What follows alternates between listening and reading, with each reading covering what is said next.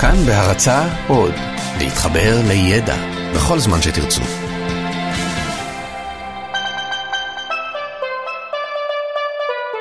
לא סופי, עם דוקטור אושי שוהם קראוס ויובל מלכי. שלום אושי, שלום יובל. זה כבר הרבה תוכניות שאנחנו עושים, אפשר לקרוא לך אוש? אם אתה מתעקש רק פעם אחת. אוקיי, תשמע, לפני כמה שנים טובות, אה, אפשר להגיד כבר הרבה שנים, התלבטתי אם אה, לעשות איזשהו מהלך קריירה, ללכת לאנשהו, לא ללכת לאנשהו, והתלבטתי והתלבטתי, ואתה יודע, הרבה פעמים כשאתה מתלבט הרבה, אתה הולך במעגלים, אתה מגיע לאותה נקודה, ואתה צריך מישהו שישבור לך את המעגל הזה, שהוא בא וייתן לך איזשהו נקודה למחשבה.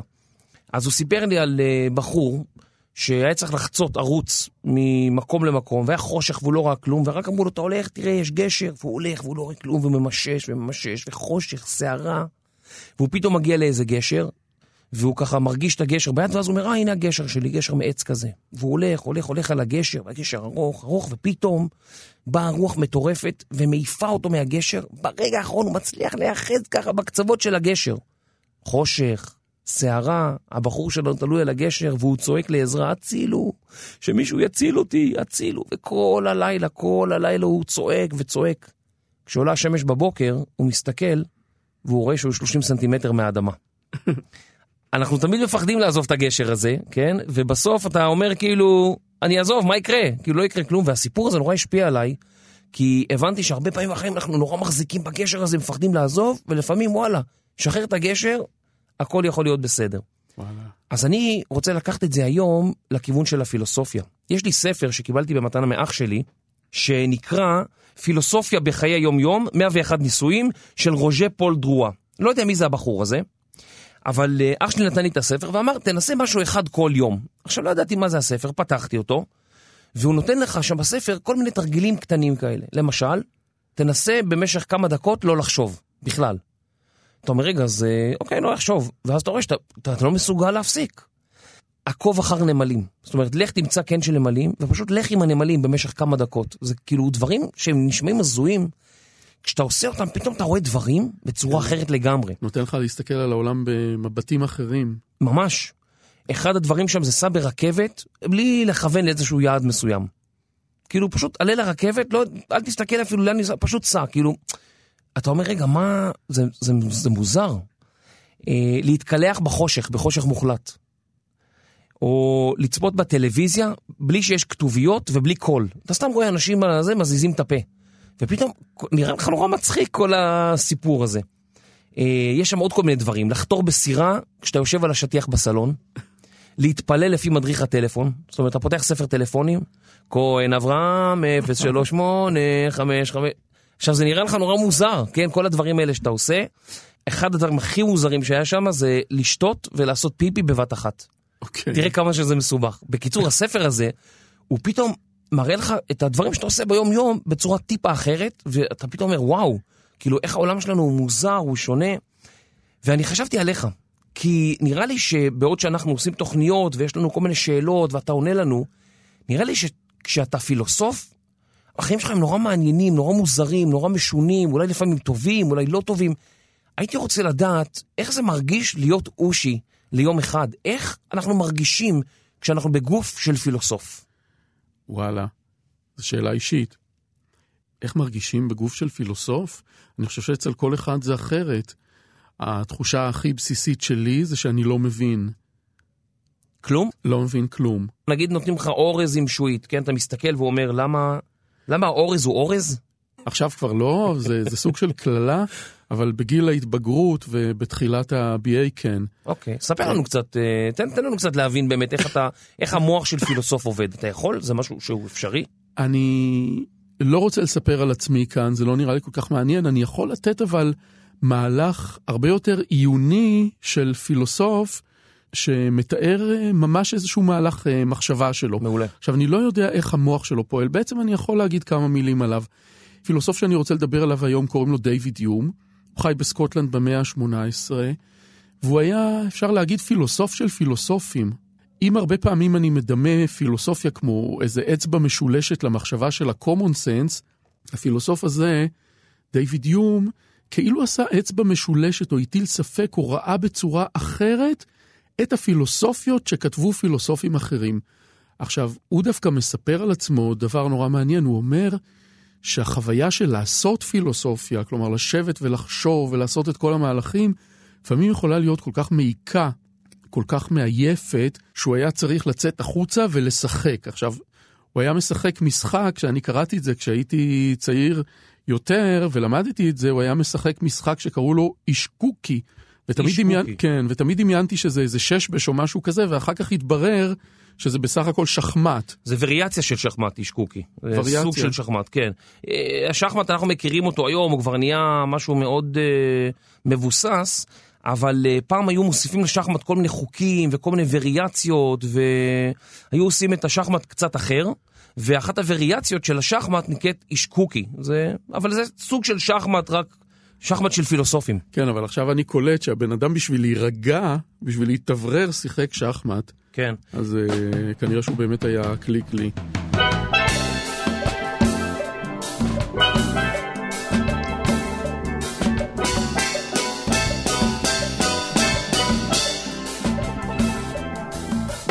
בואו נמשיך ונדבר יותר על המהלך שלו, בסדר? קדימה, קדימה. אני רוצה לדבר על, על עבודה שהוא עשה בתחום פילוסופי מסוים שנקרא אפיסטמולוגיה. אפיסטמולוגיה. אפיסטמ... נשמע כמו משהו ברפואה. אז לא. טוב. אפיסטמה זה לדעת או להכיר, ואפיסטמולוגיה זה התחום בפילוסופיה ש... שמנסה להבין איך אנחנו מכירים את העולם. ויש כאן שתי תשובות עיקריות. תשובה אחת נקראת התשובה האמפיריציסטית, שמדברת על זה שאת רוב הידע שלנו אנחנו מקבלים באמצעות החושים. ראייה, שמיעה, ריח, כן, זה, ככה אנחנו אוספים ידע. ככה אנחנו אוספים ידע, כלומר, אני רוצה לצאת מהאולפן, אני רואה בעיניים איפה הדלת. אני יכול, אם אני, העיניים שלי מכוסות, אני יכול לדפוק את הגוף כאילו בקירות עד שאני מוצא את הדלת. הרוב מגיע באמצעות החושים.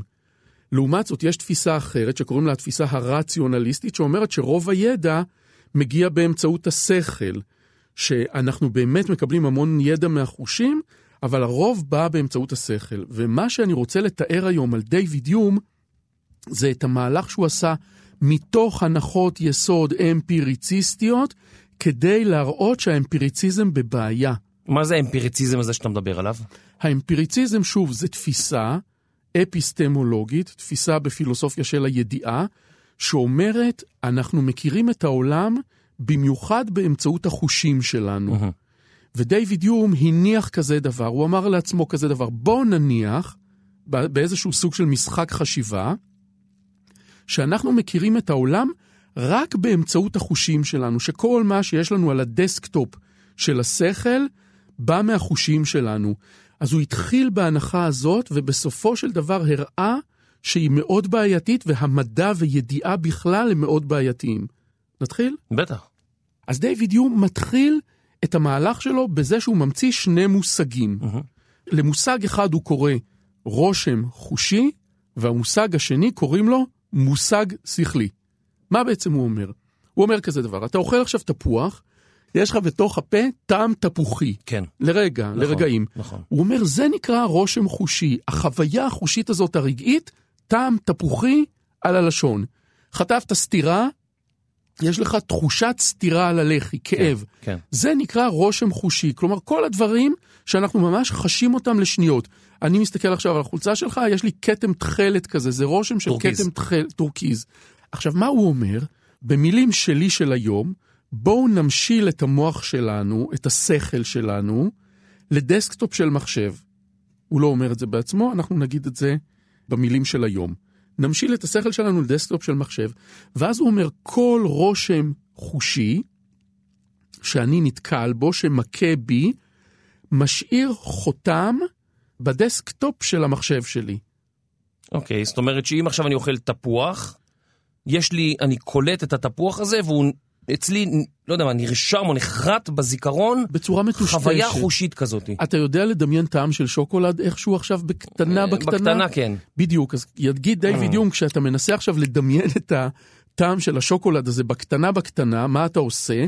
אתה מגיע ל desktop שלך, ויש לך file כזה, שזה המושג, המושג הזה שקוראים לו טעם של שוקולד, והוא משהו מטושטש כזה, הוא לא חזק כמו החוויה של שוקולד בתוך הפה עם המתיקות הזאת או המרירות שלו, אלא הוא מטושטש כזה, אבל אתה יכול להגיע ולפתוח את הקובץ הזה ולהרגיש משהו דומה כזה, להיזכר. לדברים האלה שנמצאים על ה desktop, דיוויד יום קורא מושגים שכליים. אז שוב, מה קורה? אתה אוכל תפוח, אתה מסתכל על התפוח, ואתה רואה ירקות תפוחית, נגיד שזה גרני סמית כזה, אתה רואה ירוק של תפוח. כן. אז חווית את הירוק של התפוח, אבל זה השאיר חותמת כזאת קטנה כן. על ה desktop שלך של ירוק תפוחי. אתה נותן שם לקובץ הזה, ירוק של תפוח, ועכשיו אני עוצם עיניים ואני יכול ממש לראות את הירוק הזה, אוקיי? זה מושג שכלי פשוט. כן. מושג שנשאר מרושם של צבע של תפוח. אני קורא לקובץ צבע ירוק של תפוח. אוקיי. זה מושג פשוט. עכשיו, בראש שלנו, יגיד דיוויד יום, יש מושגים מורכבים. מה פירוש?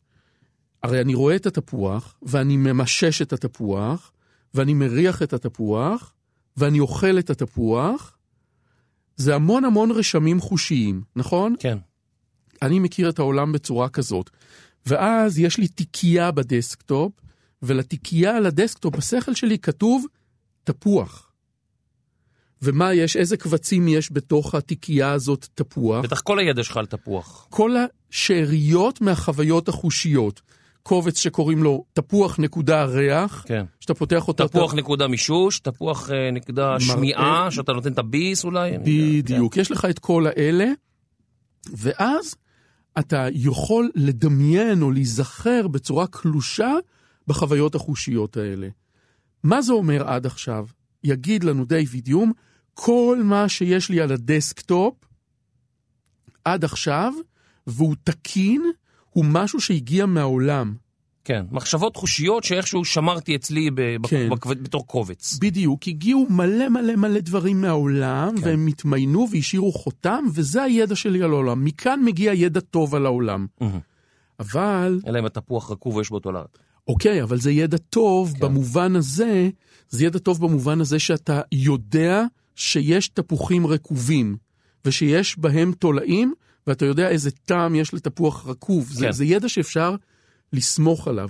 זאת ההתחלה של המהלך של דיוויד יום.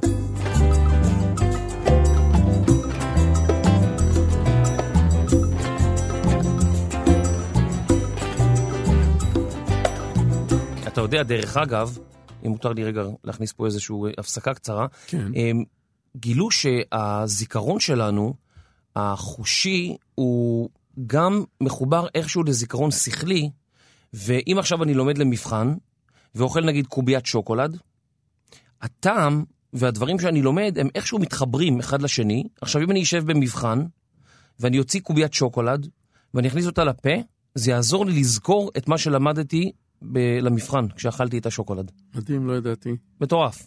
מטורף. כן, טוב, אפשר לחקור על זה אחר כך בבית. אוקיי, אז בוא נמשיך.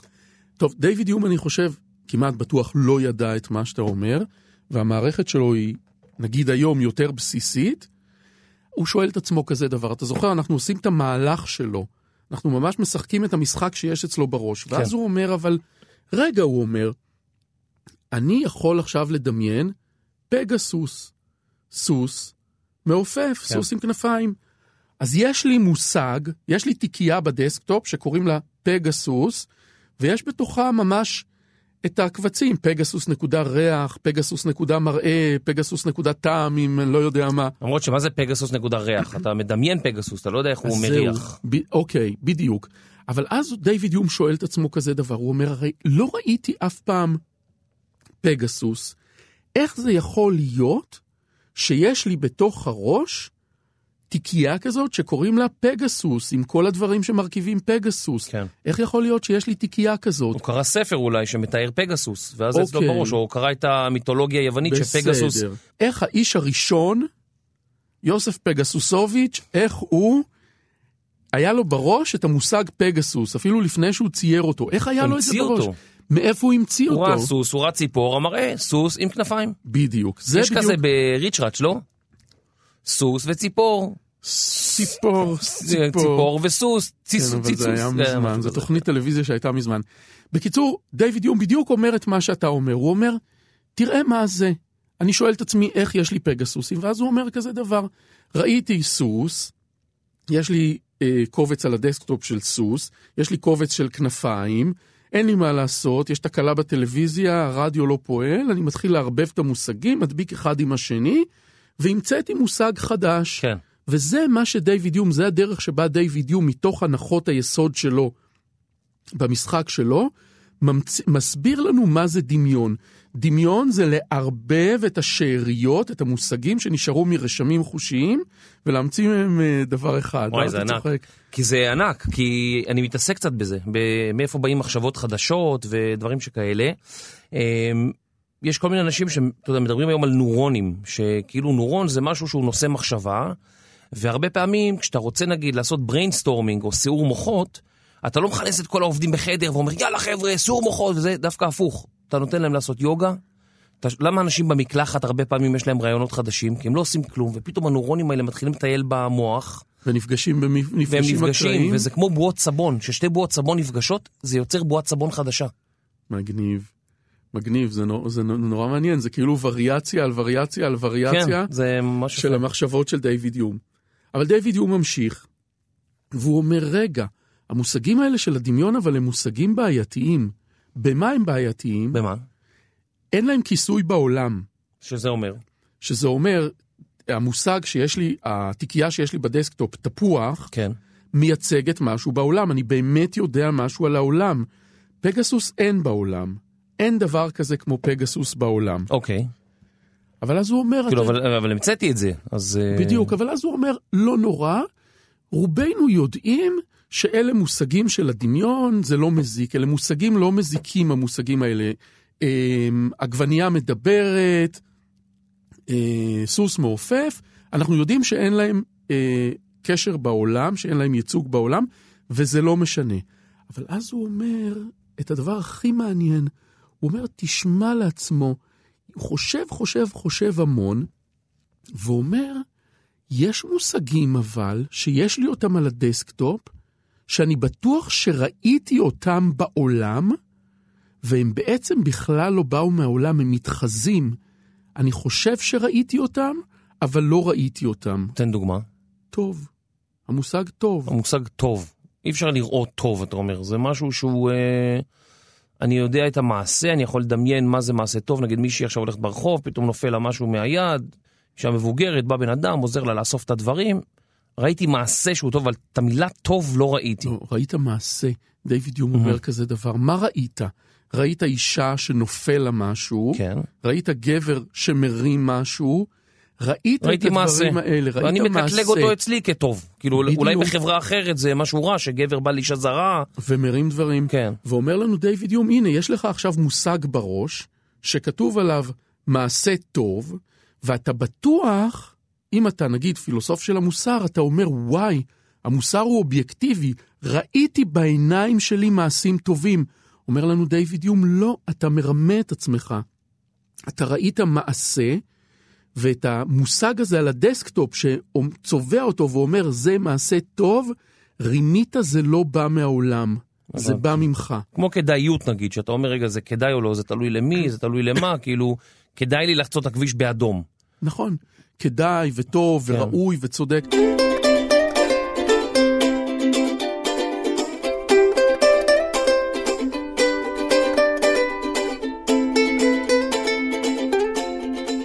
אבל המושג הכי מהפכני המתחזה שהוא מגלה, זה מושג הבגלליות, בגלליות. המושג של סיבה, כן. קוזליטי. קוזליטי. כן. אומר דיוויד יום כזה דבר, הוא אומר, נגיד שאני מדען, אוקיי. לפחות המדענים בזמנו, אנחנו אומרים לעצמנו כזה דבר, אנחנו לא ממציאים שום דבר, אנחנו פוקחים עיניים ולומדים את העולם, והעולם מלמד אותנו את החוקים שלו. וואו. חלק גדול מהמדענים נמצאים בעמדה כזאת, או לפחות נמצאו בעמדה כזאת, אנחנו אה, לא ממציאים. כן. אני פותח את העיניים ומסתכל ואני מתבונן, ופתאום אני מגלה דברים אה, חדשים. אבל אומר דיוויד יום, תסתכל, אתה מרמה את עצמך, אדון מדען, במה? בוא ניקח איזשהו דבר, בוא ניקח איזשהו דבר. נגיד שאני לוקח עכשיו את המשקפיים שלי, כן. מחזיק אותם עכשיו ביד, ואני משחרר את היד. לא, לא, לא. משחרר את היד ונפיל המשקפיים אותם, יישברו. נפיל אותם מלמטה, טק, הם נפלו. אומר לנו דיוויד יום, מה מדען יגיד? משהו מושך את המשקפיים כלפי מטה. כן, אבל לפני זה, לפני זה הוא יגיד, למה המשקפיים נפלו? מה ראית? מה הרמת ראית את פה? המשקפיים, לא, לפני זה, אוקיי, כן, הרמת, כן, ואז רצית לעזוב אותם, כן, ואני צעקתי לך לא, לא, לא, כן, הנמכת את היד, ואז פתחת את האצבעות, ומה קרה המשקפיים אז? נפלו ופגעו בשולחן. כן, אבל מה יגיד מדען, מה יגיד מדען שעושה כזה דבר על משקפיים, לא יודע מה, בודק את כוח הכבידה, אני יודע מה. ועושה כזה דבר עם נעליים, ומעיף את המחשב, אוי, יגיד דיוויד יום, המדען, מה הוא עושה? המדען השתגע. לא. המדען למד בעיני עצמו חוק של העולם. מה הוא למד? הוא למד כזה דבר, הוא אמר, אם עוזבים משקפיים, הן נופלות. הן נופלות. כלומר, מה ראיתי, יגיד המדען? ראיתי שהמשקפיים נפלו כי שחררתי אותם. נכון? פתחתי כן, את פתחתי האצבעות את האצבעות. והם נפלו. אני שחררתי את הידיים ולכן המשקפיים נפלו. כן. זה מה שיגיד המדען. הוא יגיד, בגלל שהיו עננים, אז ירד גשם. אוקיי. אבל מה הבעיה, אומר לנו דיוויד יום? הבגלליות הזאת, אי אפשר לראות אותה, זה משהו שבא מהראש שלי. אני מסביר את עצמי? אתה מסביר את עצמך, אתה אומר זה הסקת מסקנות. כן, אבל העולם לא הסיק, אני לא למדתי את המסקנה מהעולם, אין מסקנות בעולם. שוב, מה דיוויד יום אומר? בעיניים ראית כזה דבר, ראית אצבעות נפתחות, משקפיים נופלות. נופלים, אוקיי? זה מה שראית. משקפיים נופלים או נופלות? אין לי מושג. אוקיי. זה מה שראית. אבל אתה אומר לעצמך, המשקפיים נפלו, ראיתי בעיניים שלי שהמשקפיים נופלות כי פתחתי את האצבעות. ואז אתה מנסח חוק, גילית חוק, אתה מנסה את זה המון המון המון פעמים על המון חפצים, ואז גילית חוק טבע. החוק טבע, כשמשחררים אצבעות, כשמחזיקים משהו ומשחררים את האצבעות ועוזבים אותו, הוא נופל. אתה אומר, זה חוק טבע. אוקיי. ואז אתה שואל את עצמך, בתור מדען, איך גיליתי את חוק הטבע הזה? אתה אומר, לא המצאתי אותו, במו עיניי ראיתי שכשעוזבים, זה נופל. אז מה הבעיה עם זה? שלא ראית את הקשיות, לא ראית את הבגלליות. לא ראיתי את, ה... את הבגלליות, זאת אומרת, מה, לא ראיתי מה, כשאני עוזב את המשקפיים, אני רואה שהם נופלים. כן, אבל את זה שזה נפל בגלל פתיחת האצבעות לא ראית. ראית אצבעות נפתחות וראית משקפיים. אה, זאת אומרת, לא, נופלות. לא, אתה ממש מפריד בין הדברים. אתה אומר, רגע, מה בדיוק ראית? אצבעות נפתחות, משקפיים נופלות. כן, דיוויד יום אמפיריציסט, הוא אומר כזה דבר. כל הידע שלי חייב להתבסס רק על מה שהעולם מלמד אותי, ומזה אני רוצה לעשות מדע. והנה, הדבר היחידי שאני רואה זה שאצבעות נפתחות ומשקפיים נופלות. את זה שזה נפל בגלל שפתחתי, ואז יש חוק טבע כזה שגיליתי לכאורה, שאומר תמיד כשמשחררים דברים מלמעלה הם נופלים, המצאתי את זה מהראש, זה מושג גם מתחזה. זה אולי לא תמיד נכון, לא כל מה שאתה משחרר, אה, בלון עם הליום, אם אתה משחרר אותו, הוא נופל? לא, נכון, אבל עזוב את זה, אפילו תלך לדברים שתמיד לא, אנחנו נופ... אני, שתמיד למה אני אומר נופלים את זה? לנו. למה אני אומר את זה? כי אני מבין מה שהוא אומר. הוא אומר, אנחנו נורא מהירים להסיק את המסקנות ולהגיד, פתחת את האצבעות, המשקפיים נפלו. הוא אומר, לא, ראית פתיחה של אצבעות, ראית משקפיים נופלים, לא ראית את, בגלל שפתחתי את האצבעות, המשקפיים נפלו. הוא אומר כאילו, תהיה מאוד זהיר עם ההנחות שלך והכל, נכון. כי זה מוביל אותך למקומות לא טובים. ואם תגיד מה ראית בדיוק, יכול להיות שאתה פתאום תגלה דברים חדשים. אז כן ולא. באמת הוא אומר לך, תעיף מבט ותסתכל בדיוק, אבל אז הוא אומר לך, אתה לא תלמד דברים חדשים. כל היומרה של המדע, לפחות אז, מבוס- שמבוססת על זה שאתה רואה את העולם ולומד את חוקי הטבע מתוך העולם, היא בעייתית. כי אתה משליך את חוקי הטבע מתוך הראש שלך. הבנתי, מה שאתה יודע, כאילו, הופך להיות בעצם התובנות שלך לגבי מה שראית מהידע שלך. אם למישהו יש ידע קצת יותר טוב, יותר נרחב, זה, הוא יראה דברים אחרים אולי. לא, אה, לא, לא, לא, לא. יש לך מושג שכלי שקוראים לו בגלליות, ואתה מלביש אותו על הנתונים שהבאת מהעולם. כן. מהעולם, תראה, אני עושה כזה דבר.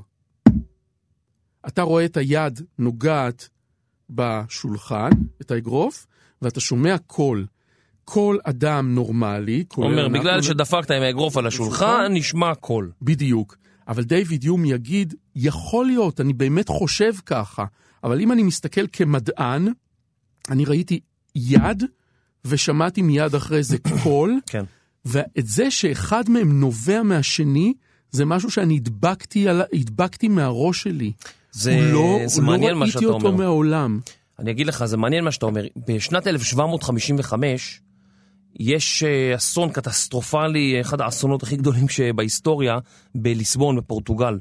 אה, חג ליל כל הקדושים, יושבים האזרחים בכנסיות, ופתאום יש רעידת אדמה מטורפת, שגורמת גם, רעידת האדמה הזאת מתרחשת באוקיינוס, לא רחוק מחופי פורטוגל, היא גורמת גם לצונאמי ענק, ובגלל שזה חג, אנשים מדליקים נרות, והנרות גורמים לשריפת ענק. כאילו העיר ליסבון חוטפת רעידת אדמה, צונאמי ושריפה. אוקיי. ענק. באים אנשים ואומרים, רגע, מה, הלכנו לכנסייה, התפללנו, למה, למה אלוהים העניש אותנו ככה? אז הכמרים, הם, הם, מה הם יודעים? הם כאילו מכירים את העולם הצר שלהם. אז הם אומרים, אלוהים העניש אותנו על חטאים של אנשים אחרים. אומרים אנשים בפורטוגל, אבל מה זה חטאים של אנשים אחרים? אנחנו הלכנו לכנסייה, מה אלוהים הוא קוקו? הוא מעניש אותנו, אנשים שהולכים לכנסייה בגלל שאנשים אחרים עשו משהו לא טוב? איזה מין אלוהים זה? מה, הוא משוגע האלוהים הזה?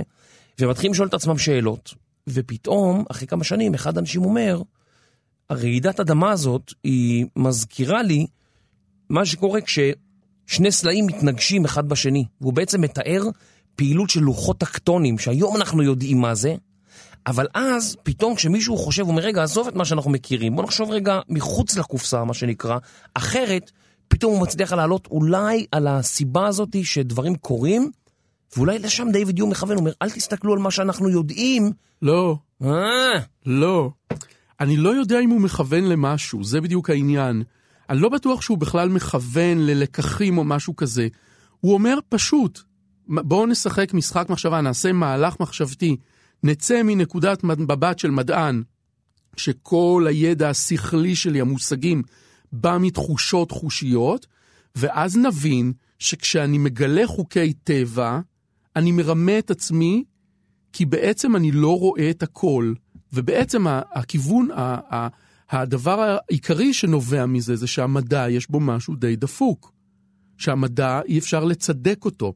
אי אפשר להוכיח את הדבר, אי אפשר להש- להשתמש או להישען על חוקי טבע בכלל, כי הם מבוססים על מה שאני משליך. יופי, תגיד את זה לאנשים שהמציאו את המטוס. נכון, אבל זה עדיין לא פותר את הבעיה של דיוויד יום, יש כאן איזשהו פרדוקס.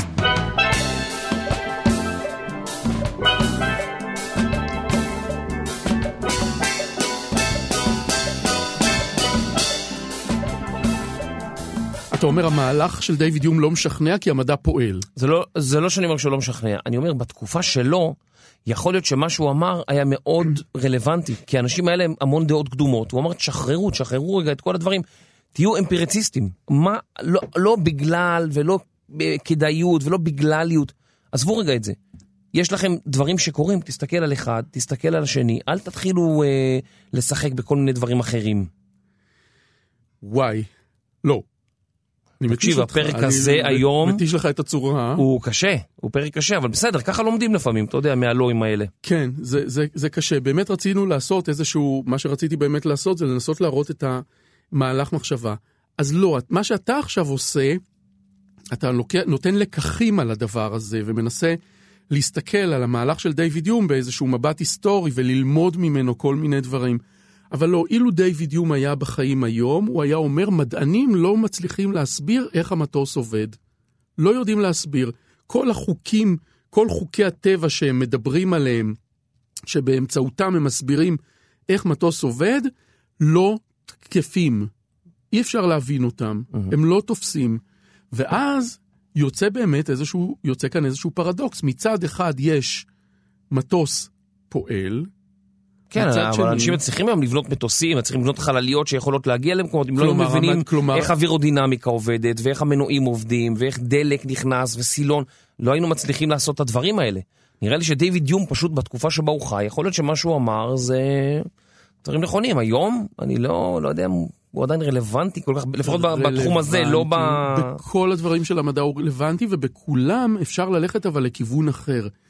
אפשר לגרד את הראש ולהגיד, וואלה, יכול להיות שכל המסקנות של דיוויד יום הרי עולות משתי הנקודות הנחה הבסיסיות שלו, שיש דבר כזה שנקרא רושם חושי, ויש מושג שכלי, שכל הידע הגיע מהעולם אליי לראש. אלה היו הנחות היסוד שלנו, כן. שמהן נבעו המסקנות האלה שאומרות שאי אפשר כן, להסביר למה הנחות- מטוס הנחות פועל. היסוד, הן יכולות להיות מאוד לא נכונות, צריך נורא להיזהר.